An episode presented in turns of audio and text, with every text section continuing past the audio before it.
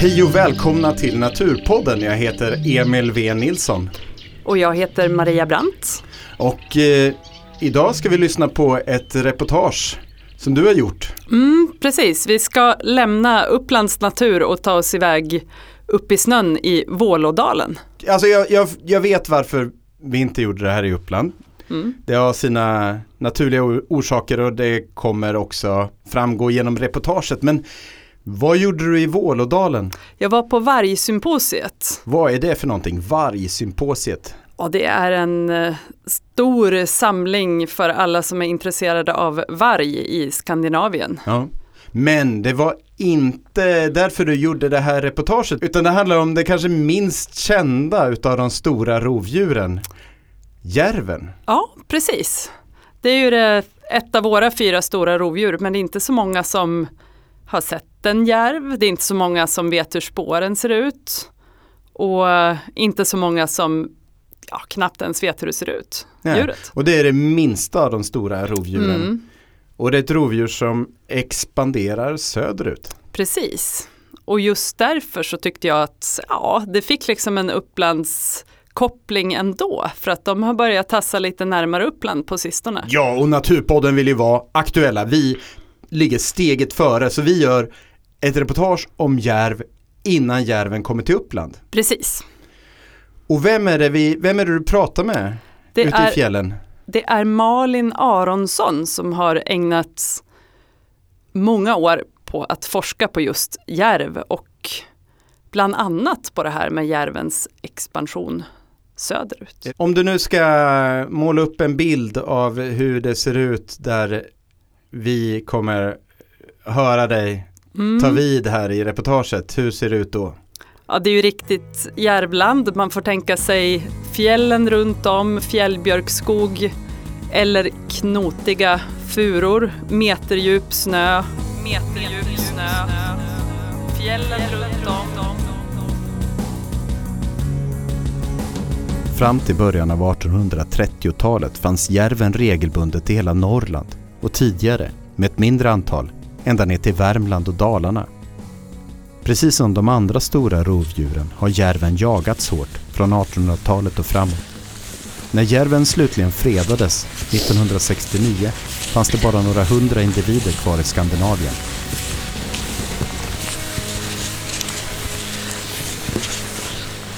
Idag så ska ni få följa med ganska långt bort från Uppland faktiskt.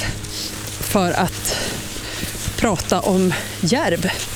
Och faktiskt också leta efter järvspår. Och just nu så är jag ute i väldigt fin terräng. Med utsikt över fjäll och dalar och gamla furor och fjällbjörkar mitt i meterdjup snö. Helt underbart. Solen skiner dessutom. I Uppland så har vi ju lo, björn och varg.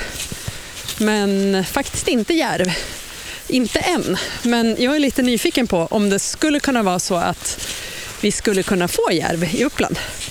Och det hade jag tänkt att bena ut idag. Nu blir det snart till att klättra. Det är väl nackdelen med att tycka att det är så kul att åka ut för i lösna, Att man måste klättra tillbaka sen. Om det är så att man inte kan ta en annan väg hem.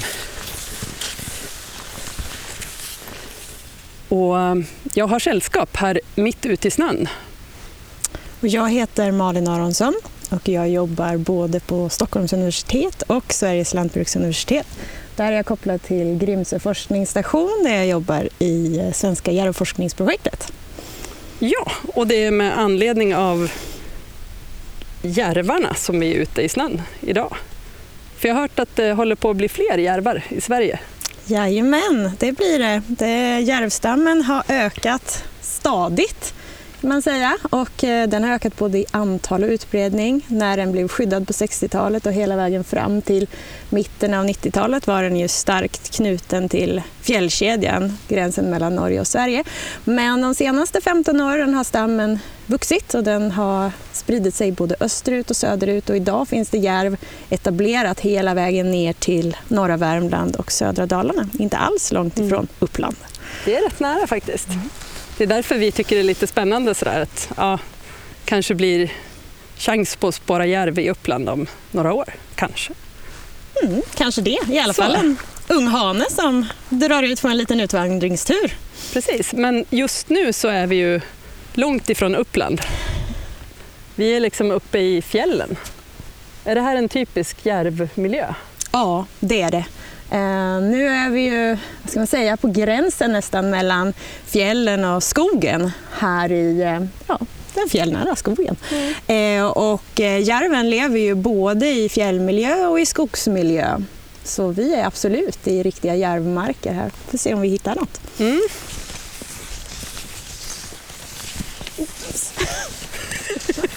Snyggaste skidåkningen ever.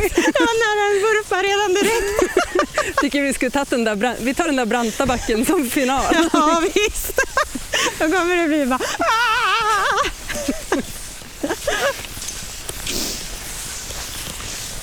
Det är ju fint just att det är så öppet. Det, menar, även om det är lite skog så är det ju inte skog så att det skymmer solen direkt utan det är ju verkligen som ja, glesa tallar, gamla knotiga.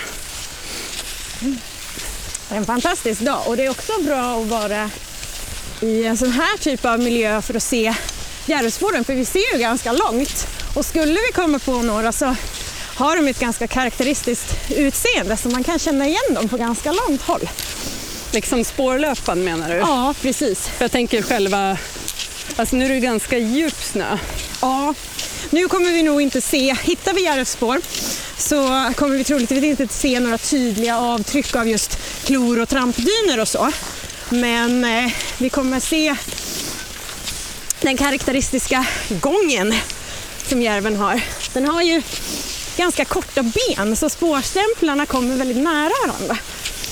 De kommer närmare än på lo och sådär va? Ja, järven är ju faktiskt ganska liten. Alltså den väger någonstans mellan 10-15 kilo. Honorna är lite mindre än hanarna så de ligger där runt 10 och hanarna ja, 13, 14, 15 kilo. Och då har man inte så långa ben. Nej. Men däremot väldigt stora fötter. känns ju lite komiskt att Sveriges fjärde största rovdjur liksom ska vara, väga 10 kilo. Ja. Men det är ju det är världens största landlevande mårddjur. Så för att vara ett mårddjur är de stora. Mm. Rejält djup snö här. Ibland så sjunker ena skidan ner rätt djupt. Men det är härligt att åka. Det gör ju inget om man ramlar. Det är så himla mjukt. Bara glider ner för en backe med mjuk, mjuk snö nu. Mellan fjällbjörkar och granar. Och så försöker jag samtidigt att skanna av om det är några intressanta spår i snön bredvid. Här har inte en människa gått kan jag säga. Det är, vi människor hamnar så himla djupt ner i snön när vi försöker. Så, oj! Som en portal av en fjällbjörk. Kan ju inte motstå att åka hela backen ner. Fast det blir kämpigt att ta sig upp sen. Jäkligt kul med lössnö. Om det hade varit några roliga spår så hade jag nog inte hunnit se dem.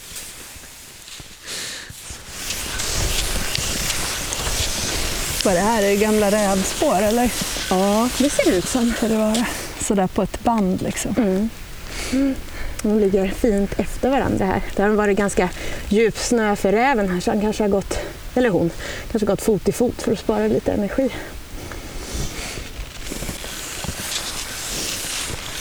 Här är det nog stora som har gått. Är det älg va? Det ser det ut att vara. Den har sjunkit, sjunkit väldigt djupt och är det älg så kan vi nog se klövarna om vi kollar ner. Ja, det har snö. Jo, där. Det är ganska tydligt Ja. klövavtryck.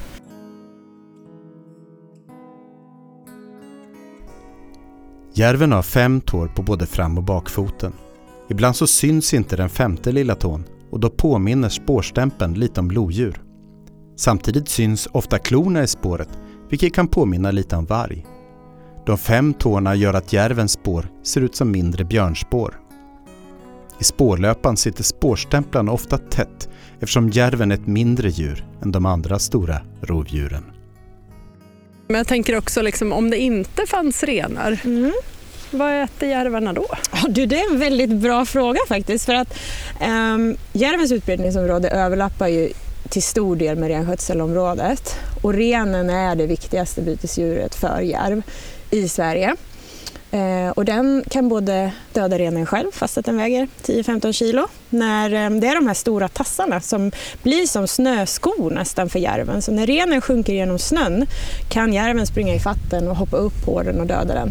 Men järven äter också as, den är en kadaverätare. Nej men det är klart. Så om den dödar någonting eller hittar något som den annan har dödat, till exempel lodjur, ehm, så äter den av det. Och så styckar den också upp det i olika delar. Den har väldigt starka käkar och springer iväg med de där delarna och gömmer dem på olika ställen i så kallade matgömmor som den kan använda under lång tid. Och där använder den faktiskt snö ganska mycket som ett kylskåp. Och Gräver ner det i snön så att det ska hålla länge. Så den är väldigt anpassad för ett oförutsägbart och kargt klimat. Men om man kommer i områden där det inte finns någon ren överhuvudtaget. Mm, säg Uppland. Ja, säg Uppland. ja, men det, på det sättet så kan vi ju jämföra Uppland lite med där järven faktiskt finns idag i södra Dalarna, norra Värmland. För eh, i Uppland finns det väl en del älg och det, Oh ja. finns, ja, och det finns säkert en del älgjägare.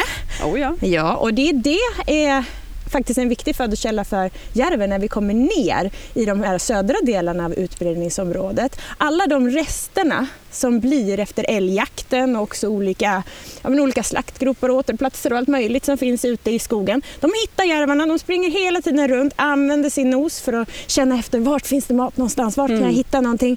Och så när de kommer på de här platserna, då hämtar de där de kan och gömmer undan det. Och sen då kan man ju tänka att ja, ja, men, men älgjakten är ju inte så lång tid. Nej, men om man är en järv som lagrar sin mat, då kanske det räcker Ja, ja. hela vintern. Och sen blir det vår och sommar och då kan den jaga olika små små bytesdjur själv. Rådjur till exempel. Älgkalv kan den ta. Den äter bäver, skogsfågel, hare, smågnagare, fågelägg. Den, den äter det mesta som den kan komma över. Väldigt eh, allsidig i sin kost. Ja, nej, men det där med älg, alltså med kadaver från jakt, det har jag inte tänkt på. Men det är klart att det, för jag har ju sett rävar gå på sånt. Mm. Mm. Och järven är verkligen en utpräglad både asätare och sen också det här att den, den lagrar maten för att det ska Sen- räcka länge. Ja. Sen är ju också andra rovdjur har, vi- andra än människor har vi faktiskt i Uppland också. Ja, det vi har har ni. ju både varg och lo. Ja, Så att, kan man ju tänka sig en liten järv som skulle kunna haka på glamsenvargarna. Ja, ja, i områden där järven överlappar med lodjur eller varg eller både och så, så har vi sett att, att de andra rovdjuren är också viktiga för järven för de lämnar också mat efter sig. I renskötselområdet har vi tittat jättemycket på hur järven använder renar som är dödade av lodjur. Och eh, när vi kommer ner i skogstrakterna, som där, vi, där järven är nu då, i Dalarna och Värmland, som är då lika Uppland där med. Det finns ju varg där också. Eh, och då är också vargdödade byten viktigt för järven. Järven kan följa efter vargarna eh, och, se, och hänga, hänga efter lite och se vad det, vad det finns för mat. Och, men järven måste också vara ganska försiktig för att vargarna kan vara farliga för järven. Men där har ju järven fördelen att den är väldigt bra på att klättra. Så det är lite det som den använder som skydd för att komma undan då rovdjur som kan vara farliga för järven. Antingen så kan den klättra upp i träd eller annars så kan den också krypa ner under stenar och så och gömma sig. Men lodjur och järv då? Det Jag verkar- tänker, de, det verkar inte som att de ger sig på. Nej, eh, vad vi har sett, och det har jag jobbat ganska mycket med just den här interaktionen mellan lodjur och järv. Och det verkar som att lodjuret är mest positivt för järven. Den är inte så farlig, vi har inte haft några lodjursdödade järvar. Men däremot så stor del av, av det som järven äter i områden med lodjur, det är faktiskt dödat av lodjur. Eh, men eh, järven så lodjuret verkar inte bry sig om järven så mycket överhuvudtaget. Det gör varken från eller till. Men det är positivt för, för järven. Men järven får ju vara lite, vi märker att den är kanske lite försiktig, håller lite koll på vart lodjuret är och väntar tills lodjuret går bort innan den går fram och snyltar. Men, eh, Jag tänkte annars att det var ett klättrande djur, liksom, om de bara så här, då kan de inte klättra iväg. Men samtidigt, de är nästan, de är inte jämnstora, men det är ändå så att lodjur är ju betydligt mindre än vargar. Ja, fast Så lodjuret är ju fortfarande ganska mycket större än järven. en I alla fall. Ja, den väger ju lite mer men det är ju, den är ju läng- Ja, liksom de har större. långa ben, har långa och, ben. och vassa klor. Och, Ja. Järven är ju ganska liten och kompakt, korta ben Mm. och studsar fram lite. Ser lite ut som en groda när den kommer på Ja. fjällsluttning och hoppar fram i galopp. lite lodjur. som minibjörnar nästan. Lite grann. Lite alltså som i minibjörnar. kroppsform. Ja, det är en, vad ska man säga, en ganska avlång, bastant, rund liten kropp. Med, den är ju mörkbrun. Det, det ser ju ut som en stor mård. Ja. En lite grövre mård. Ja. Eh, och mörkare, mörkbrun. Och sen har den karaktäristisk teckning då att den har en ljusare strimma i pannan och lite en ljusare strimma på sidan. Och så har den också en ljus, ljusare fläckar på bröstet. Och Mm. de är, det, det är ett, vad ska man säga, ett kännetecken för olika individer. För att det, de är unika, de, Mm. just de fläckarna som den har på bröstet. Men annars så är den mörkbrun. Mm. Ska vi skida iväg lite och se om vi kan hitta något? Mm. Inte så att jag tror vi kanske kommer se en järv, men vi kan ju leta spår. Ja, om vi ska se en järv då, då får vi nog för det första får vi nog sluta prata. Säger du det? Och sen så, Äsch då, jag tror att det är bättre att låtsas som att man inte är ute efter att se en järv. Ja, precis. Det är, ju då, det är då det händer, när man här, tror att det inte händer. Jag är i alla fall glad att jag hört en lappmes idag. Det tyckte jag var bra. Jaha. Det här då? Ja, vad ser du här? Så gamla spår. Mm. Jag har snöat i dem. Du ser lite lurig ut. Ja. Skulle det kunna vara något? ja, jag ska inte så här föregå här. Jag tänkte, ska jag se vad du säger? Hur tycker du de ser ut? Nej, men jag skulle, om jag ska beskriva det så är det ju stora, alltså om man tänker på i förhållande till steglängden så är det stora tassar Mm. som har gått tätt. Mm.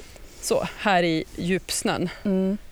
Och så. Sen har det snöat lite ner i de här groparna också. Mm. Men groparna är fortfarande väldigt tydliga. Men vi kan Oh, ju ja. inte använda liksom och kolla efter några trampdyner eller klor. Järven har ju fem klor, så Mm. det kan vara ett sätt att känna igen spåren. Ja, precis som man ser det i, i snö som är, Lite- det här tror jag är nästan en meter snö. Ja, ja då- här, blir det inget, inte- här blir det bara gropar och nu är det lite snö i de här groparna. Men däremot så ser du ju hur de, alltså precis som du säger, storleken i relation till steglängden, det är Mm. riktigt stora hål vi ser här i snön och de ligger Precis. tätt som på ett pärlband. Och järven springer ju lite, lite så snedställt i Mm. kroppen. Oftast då galopperar järven och det är då som det blir de här karaktäristiska tre-spåren. Det blir Mm. som grupper av tre som ligger på snedden. Här har vi grupper av två som ligger på snedden. Men allting annat stämmer. Storleken, steglängden. Och här är det ju så att det har varit, det är jättedjup snö som du sa, det är säkert en meter, kanske till och med mer. Så här har järven, för det är järv, Mm, kan vara bra. Jag tänkte du skulle inte sett så lurig ut annars. Du skulle inte lura mig att liksom börja fantisera om järv utan att det var Ja, bara, nej det är, det är isnöade älgspår. Nej, nej, nej. Vi är ju i järvland. Mm. Mm. Så då, och här har faktiskt järven då gått vad vi kallar fot i fot. Så det betyder att när den har satt ner sina framtassar eller framfötter, i samma hål har den också satt ner baktassarna. Mm. Så då blir det så här de snedställda grupperna av två spår istället. Det är många djur som gör så. Ja. De fyrfotar liksom, för Ja. att spara energi. Så att Ja. de har, det är lite som man själv gör om man går efter någon som går före. Precis. Så går man liksom fot i fot med den Ja. helst. Och järven är, och det är det som är lite speciellt med järven också som gör att man lätt känner igen den. För att det är oftast bara i just de här väldigt djupa snöförhållandena som den, som den går eller travar. Mm. Annars så gal- galopperar den väldigt Mm. ofta. Även om den rör sig sakta så galopperar den. Mm. Och det är det som gör att det, när jag säger att det ser lite ut som en groda som hoppar på fjällsluttningen. Ja. För även om den kommer långsamt så blir det där dudum, dudum, dudum, liksom Ja. hoppandet. Ehm, och då blir det ofta så att den sätter ner två framfötter och så kommer ju bakfötterna lite längre fram än framfötterna. Eftersom, ja, det är, det, man får helt enkelt eh, tänka sig att Ja. Den där lilla fjällgrodan. Ja, liksom. precis. Mm. Den hoppar fram så kommer bakfötterna framför framfötterna. Och då brukar det bli så att en bakfot landar i en framfotsspår. Mm. Så då blir det tre stämplar. Och sen så här springer den lite så här, galopperar lite på snedden och då blir det tre stycken Mm. grupper av tre som är snedställda. Men här har den som sagt sparat lite energi i djupsnön och gått fot i Mm. fot. Ja, det hade nog varit svårgalopperat här, jag tänka mig. Ja, ja, men det är ju också, den här järven har nog inte gått så fort. Hade den, hade den sprungit riktigt fort, då hade vi nog haft språngspår här i Mm. snön. Så att snön bara hade, hade yrt Ja. runt den och stora grupper av, av fyra spår. Mm. Liksom. Och då är det ju nästan ibland, om det är så här pass djupt, då är det inte säkert att man ser spårstämplarna Nej. heller. Alltså, då kan det ju bli nästan som gropar. Ja, liksom. precis. Då blir det gropar där den har landat i varje språng. Men så Men här har kul. du, här har Ja. du dina järvspår. Det är Järvlandet. Mm. Det är bra det. Komsi komsi till Uppland. Du känner du igen de här när den kommer till. Uppland va?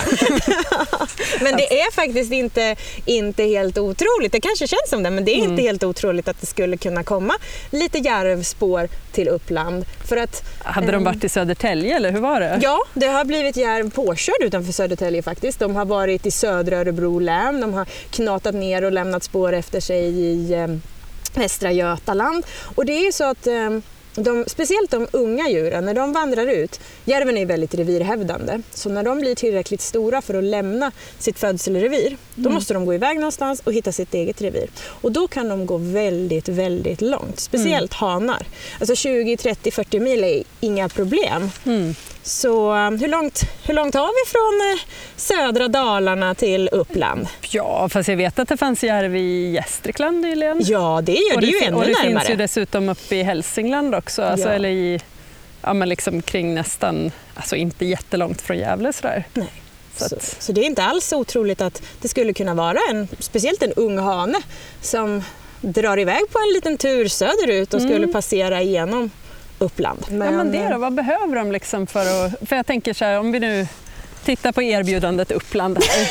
Och vi säger att jo då, jägare som ser till att lägga ut lite älg som mat, det har vi ju. Mm, mm, Vargar har vi som kan hjälpa till med den varan också. Mm. Lodjur och sådär. mm. Ehm, skog, jag vet inte liksom, vad gillar de för? Det här är ju, om vi ser oss omkring här, nu har jag ju förstått att det finns både liksom fjäll, fjälljärvar och skogsjärvar och de är samma sak Ja. men de bor lite olika. Sådär. Mm. Men om man ser sig omkring här så är det liksom Well, Uppland känns rätt långt borta liksom, när det är så här meterdjup snö, väldigt knotiga tallar, en fantastisk utsikt över fjäll och vidder. Det är helt enkelt inte riktigt så att man tänker att well, det skulle funka lika bra med Upplandsslätten sådär. Nej, hur mycket, hur mycket snö brukar ni ha på Upplandsslätten? Ja, alltså den här vintern har det varit bra. Ja. Vi har kunnat åka skidor och så, men ehm, jag tänkte på den där lilla, om de nu ska göra kylskåp för sin mat och sådär, och Ja. hålla på och gömma grejer och så. Då får de ju ganska mycket konkurrens liksom av allt från, från bakterier till andra asätare. För att det, det håller sig ju inte lika länge för järven är anpassad för ett liv på snö. Allt från storleken på tassarna till pälsen som är Ja. väldigt tjock och inte fryser och just det här att den lagrar mat. Och sen finns det en annan anpassning också. Den föder ungar mitt i vintern. Mm. Så om det, det bor ju järvar runt omkring här. Eh, och eh, om det är några honor som eh, har fått eller ska få sina ungar, då händer det nu. Från mitten av, början, mitten av februari till eh, början av mars. Vi har till och med haft järvar som har fött redan i slutet av januari. Mm. Och de föder sina ungar i lyor i snön. De gräver inte ut sina lyor i backen utan de gräver Ja. i snön. Och där fungerar ju snön både som ett isolerande täcke för att hålla värmen för ungarna och också som ett skydd Ja. mot andra rovdjur till exempel. Och när ungarna föds då är de jättesmå och helt vita. Just det. Mm. Så att de inte ska synas i snön heller. Och sen så ligger de Men då... de går väl inte ut i snön när de är pyttesmå? Nej, eller? inte när de är pyttesmå. Det gör de inte. Jag tycker det var en fin förklaring men jag vet inte om jag köper den. Fast tänk dig om det gräver sig ner någon och ska så här se dem eller något, eller någon som ser dem från luften. Om det skulle vara Om så de att nu de har hade gått kommit ut, ut. som Ja, de fick det för sin mamma. Men sen så måste hon fortfarande ut, hämta mat till sig själv. Hon släpar med mat till lyan och Mm. lagrar den vid lyan. Men hon måste också patrullera sina revirgränser.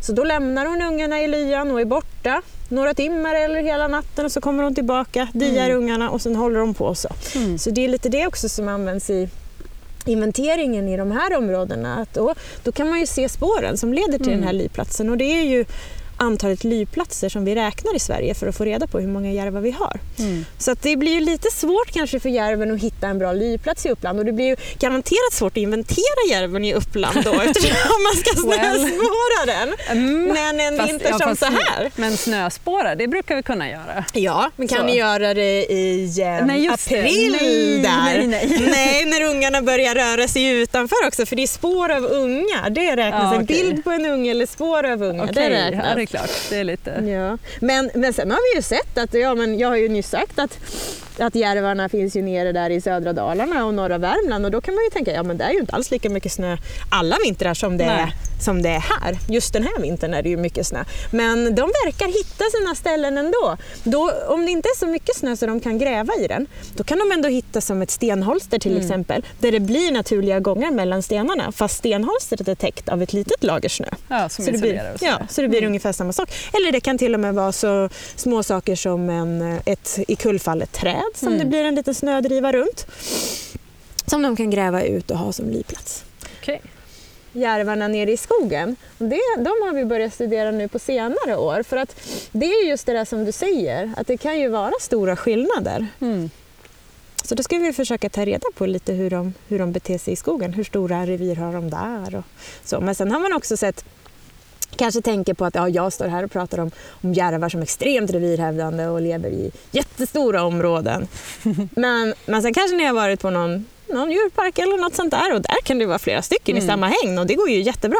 Men det är för att då har de ju jättemycket mat. Så då Ja, behöver de inte konkurrera om den här maten och då verkar det gå bra för dem Ja. att hålla sams. Och sen är de väl ofta födda i fångenskap då, Ja. så, här, så att de liksom har lullats in i att Ja, så här lever precis. jag. Liksom. Mm. Så. Mm. Mm. Bra, jag tycker vi fått med jättemycket. Mhm. Så. Du har något att jobba med! Oh ja. klipp, klipp, klipp. Det, svåra, det svåra är liksom ibland när det, är så här, när det egentligen allt är intressant och så ska man välja. Och så ska man välja.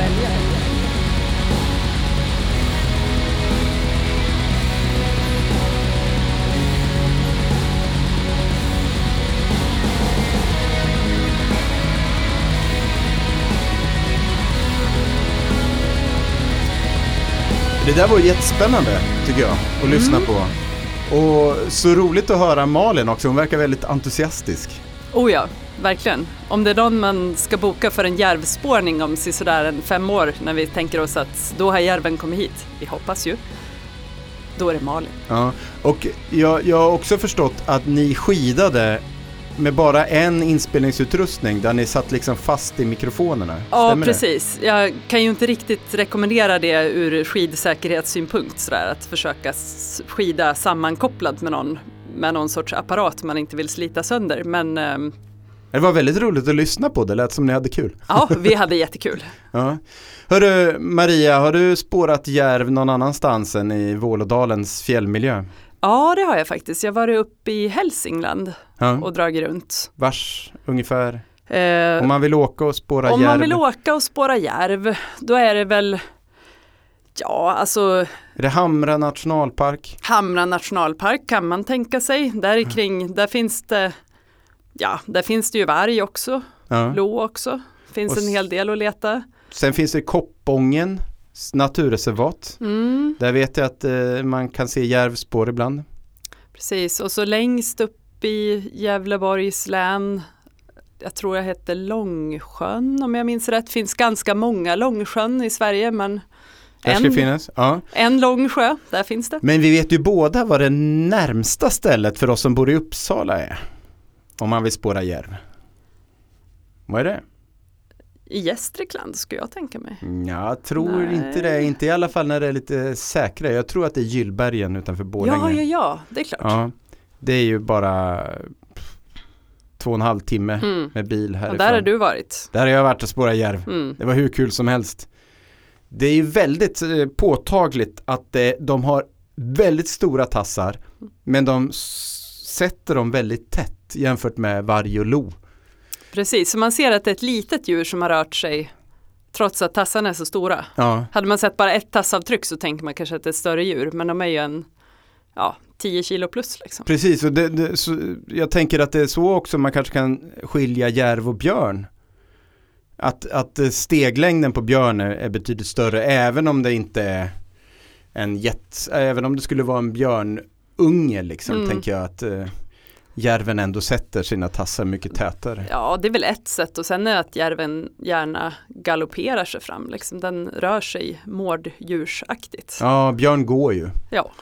Ja, Och järven går, okej den går om det är väldigt djup snö eller så, men annars så ja. vill ni gärna skutta fram. Nej, så jag tycker det var jättespännande att följa det där. Vi jag ju, gjorde ju det med kidsen. Mm. De var ju som blodhundar på det här spåret. Naturligtvis bakspårar vi. ja. eh, ja, men det får man långt. göra. Men det är ju ett väldigt roligt sätt att uppleva ett, en plats som man inte har varit på tidigare. Att skida efter ett rovdjursspår bakåt liksom. Absolut, att att man man, får man har ju ingen aning om vart man hamnar någonstans. Nej, och sen så är det ju ett sätt att uppleva ett djur som man förmodligen inte kommer få se. Ja. Men att man ändå ser vad djuret har gjort, var det gått någonstans, allt det där. Vad händer i helgen Maria? I helgen blir det stora artkalaset, då är det Bioblitz. Bioblitz Linné. Linné. Yes. Ultuna, ångbåtsbryggan. Mm, 24 timmar ja, artfest. Jag kommer vara så trött på söndag eftermiddagen så att det är inte sant. Ja, eller helt speedad, tror Ja. jag. Nu ska vi bara ta någon meteorolog från SMHI och, och, och låsa in i någon liten bur ända tills de ger rätt prognos där. Mm, något sånt, det att brukar det hjälpa. viktiga är ju att kontrollera vädret Mm. på det sättet. Nej men det blir ju Blitz Linné, häng på allihopa. Det är redan i helgen. Och vet du vad nästa avsnitt av Naturpodden kommer handla om? Nej, Vi kommer nog göra så här att det blir en specialare. Det blir ett ljudavsnitt från Dalbyviken. En timma bara ljud. okej.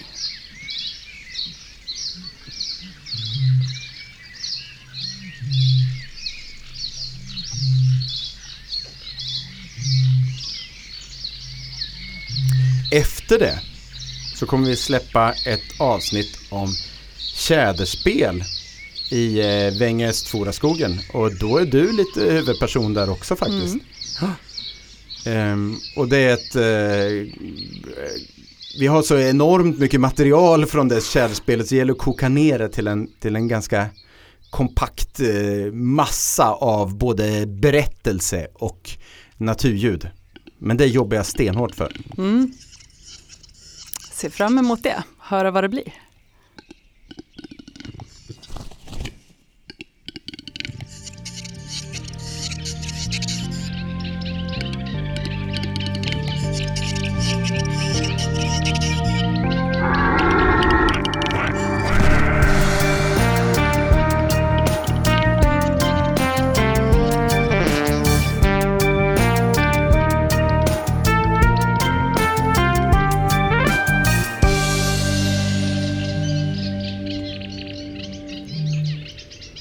Och Naturpodden vill tacka Malin Aronsson. för att hon var så snäll och skidade med dig Mm. även fast ni satt fast med mikrofonsladdar. Precis, jag tror inte hon tyckte det var helt eh, tråkigt att Nej. skida så. Det hade varit väldigt roligt att se hur det såg ut. Ja, du skulle sett oss när vi övervägde åka ner för en backe, men nej. Nej men det är kul, jag tror att det var mitt fel för jag tror jag var ute i tjäderspelet Mm, då och spelade in det med var den lite andra så. bandaren. Så har jag i alla fall förklarat det förresten. Ja. Så. Så att om någon vill kasta pengar på oss så får man göra det så kan vi köpa någon bandare till så nästa gång kanske ni kan skida med varsin Mm. bandare istället. Ja men supertack, tack för ett jättespännande avsnitt. Ja. Tack själv.